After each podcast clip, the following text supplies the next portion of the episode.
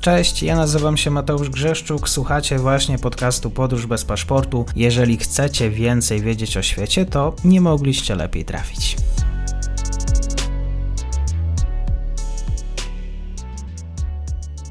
Dzień dobry wszystkim słuchaczom. Pozostajemy w tematach ukraińskich. Dzisiaj moim gościem jest pan Artur Dubiel, ekspert do spraw bezpieczeństwa, Wyższa Szkoła Bankowa w Chorzowie. Dzień dobry panie Arturze, dziękuję za przyjęcie zaproszenia. Dzień dobry, również dziękuję za zaproszenie. Kolejny dzień, kolejne doniesienie o tym, co się dzieje na wschodzie Ukrainy. Rosja rozpoczęła we wtorek nowe ćwiczenia wojskowe właśnie w pobliżu e, granicy naszych sąsiadów. Zależy od mediów, ale te amerykańskie wieszczą i myślę, że cały świat zachodu wieści e, coraz bardziej prawdopodobnie podobną opcję pełnoskalowego ataku wojsk Putina. Przed naszym spotkaniem tutaj pan e, wspomniał o tym, że rzadko w polskich mediach mówi się o tym, jaki właściwie miałby być cel Moskwy. Jakbym mógł poprosić e, pana o rozszerzenie, dlaczego akurat Rosja grupuje sprzęt i żołnierzy właśnie w pobliżu granicy z Ukrainą? Po pierwsze, wydaje się, że tak naprawdę sytuacja, która miała miejsce na a właściwie ma jeszcze na granicy polsko-białoruskiej, e, mogła być formą testu na reakcję tak naprawdę polskich władz no i ostatecznie na poziomie wykonawczym, na tym poziomie e, taktycznym, jak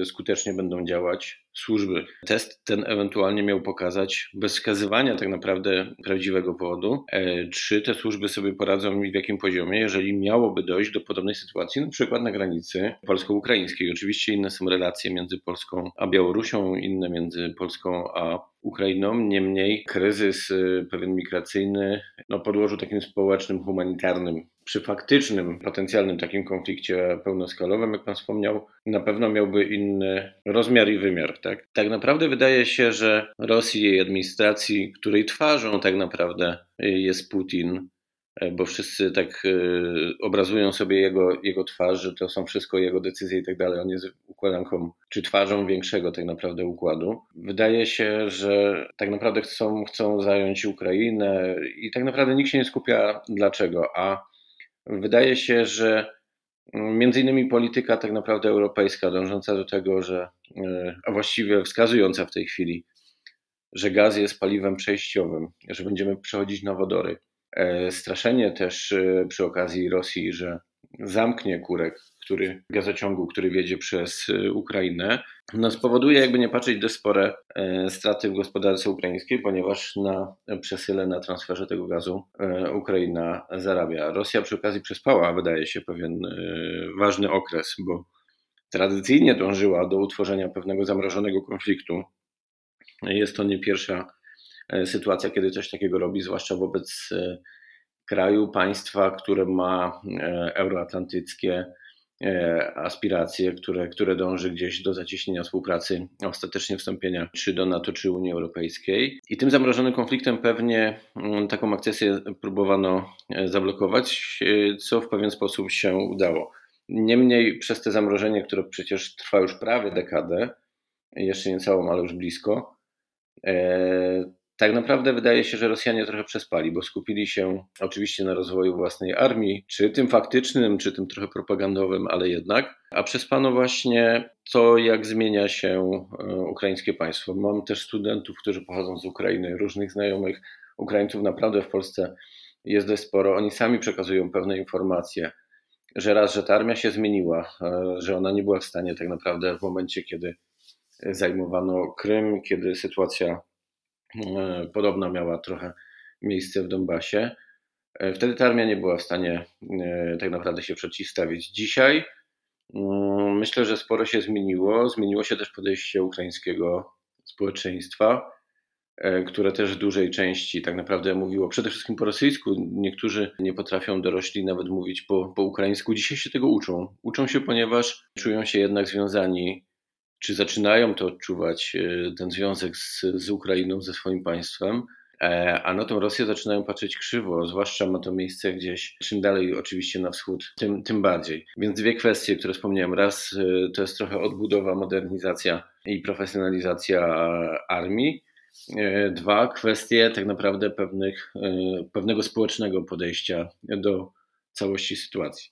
I wspominane przeze mnie straszenie, zakręcenie tego kurka gazowego spowodowało, że władze w Ukrainie też wysłały komunikat e, typu to sobie zakręcajcie, my i tak ten gazociąg dotkniemy, ponieważ będziemy chcieli transferować do Europy wodór, który jest przyszłością, jeśli chodzi e, o, o paliwa w Europie. No i tam chyba wydaje się, że mogła mieć sytuację, mogło mieć miejsce sytuacja, gdzie Ktoś chyba nie do końca przewidział albo nie zauważył pewnych sytuacji. Mówię oczywiście po stronie rosyjskiej. Stąd trochę bym powiedział bardzo szybkie dążenie do zastraszenia Ukrainy, do tak naprawdę zablokowania jej gospodarki, ponieważ transfer tego wodoru, dostarczanie go do Europy, do najpewniej bardzo wielu państw, spowodowałby, że ta gospodarka ukraińska, śmiem twierdzić, że wręcz by wyszczeliła.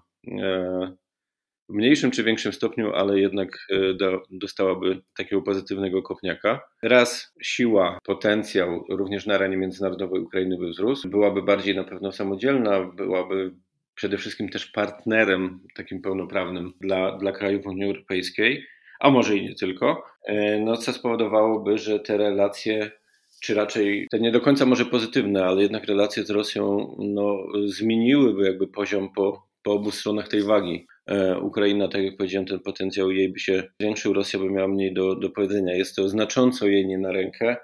E, tym samym wydaje się, że te wszystkie działania, które wcale nie muszą się zakończyć e, prawdziwą wojną, a próbą zastraszenia, no prowadzą, prowadzą właśnie do tego, aby nie dopuścić do rozwoju gospodarki. Rozwój gospodarki i dalsze prowadzenie takiej, a nie innej polityki międzynarodowej przez ukraiński rząd, no jakby nie patrzeć, yy, no tak jak wspomniałem, osłabiłby wpływy Rosji, Ukraina, Ukraina by się wzmocniła. Stąd wydaje się, że to wszystko to jest pewna forma szantażu i na Ukrainie, i w ogóle na reszcie Europy, albo nawet idąc dalej obszaru e, euroatlantyckiego, po to, aby właśnie taki scenariusz nie miał miejsca. I wydaje mi się niestety, tak jak Pan wspomniał, że gdzieś chyba w tym dyskursie publicznym trochę zapomina się o takich e, być może prawdziwych powodach e, całej tej eskalacji konfliktu, bo mm, tu z retoryką właściwie i przekazem, zwłaszcza jeśli chodzi o resort spraw zagranicznych Rosji, to w ogóle nie ma co dyskutować, bo, bo, bo to jest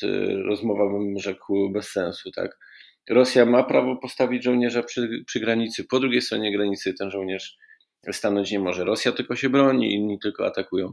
No, kiedy posłucha się Ławrowa e, czy rzeczniczki resortu dyplomacji rosyjskiej. E, naprawdę wydaje się, że jakakolwiek e, dyskusja nie ma sensu. Dwa, należałoby zwrócić też uwagę, że wszystkie warunki, które Rosja postawiła, umownie tak, umownie tak powiedzmy, Zachodowi, są warunkami de facto całkowicie nie do spełnienia i Rosjanie doskonale sobie z tego zdają sprawę. Jest to element na pewno twardych, jakby pewnych negocjacji.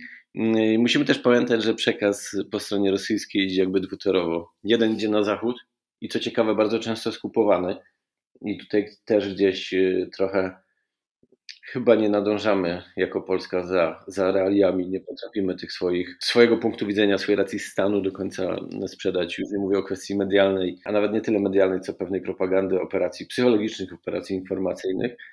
Tutaj gdzieś trochę niestety y, polegamy na, na tym froncie. A dwa, jeden to był przekaz, to co przed chwilą powiedziałem, na zachód, drugim jest zawsze społeczeństwo rosyjskie. I tutaj też ewidentnie widać, że w pewien sposób jakby cała ta machina próbuje usprawiedliwić właściwie to, co za chwilę miałoby się wydarzyć. Tylko pytanie, czy jest to właśnie taka operacja, która jest i na kierunku wewnętrznym i zewnętrznym, żeby przede wszystkim ten Zachód nastraszyć, aby się bał podejmować decyzje, czy faktycznie takie coś e, w sensie konfliktu e, może mieć miejsce. No, jak widać też po reakcjach niektórych rządów europejskich i członków NATO, no, w niektórych przypadkach chyba niestety przynosi to pewien efekt. To w takim razie y, mam jeszcze pytanie. Wspomniał Pan, że społeczeństwo ukraińskie rzeczywiście się zmienia, że zmienia się też ich percepcja. E, myślę, że też jest to do zauważenia. Pytanie, czy to społeczeństwo ukraińskie ma jakieś oczekiwania wobec państwa ukraińskiego pod kątem właśnie zapewnienia bezpieczeństwa, obronności. Każdy ma świadomość, miał świadomość o tego, że no, państwo ukraińskie nie funkcjonowało aż y, na tyle, aby rzeczywiście dawać jakieś poczucie, poczucie sprawczości i zmian. Elity ukraińskie też y, nie dawały jakby pretekstu obywatelom Ukrainy, że, że właściwie w tym kraju może się coś zmienić. Y, jakie dzisiaj właściwie nastroje właśnie względem oczekiwań Ukraińców mają miejsce w związku z tym, co się dzieje na ich wschodniej granicy? Ja myślę, że wygląda to tak, że Ukraińcy jeżdżą, podróżują, tak jak myśmy to robili też dekadę czy parę dekad temu i widzą, jak może wyglądać życie. Nauczeni życia trochę w takim oligarchicznym systemie, nie do końca może byli świadomi, że, że pewne rzeczy mogą wyglądać inaczej. Dzisiaj to zauważyli.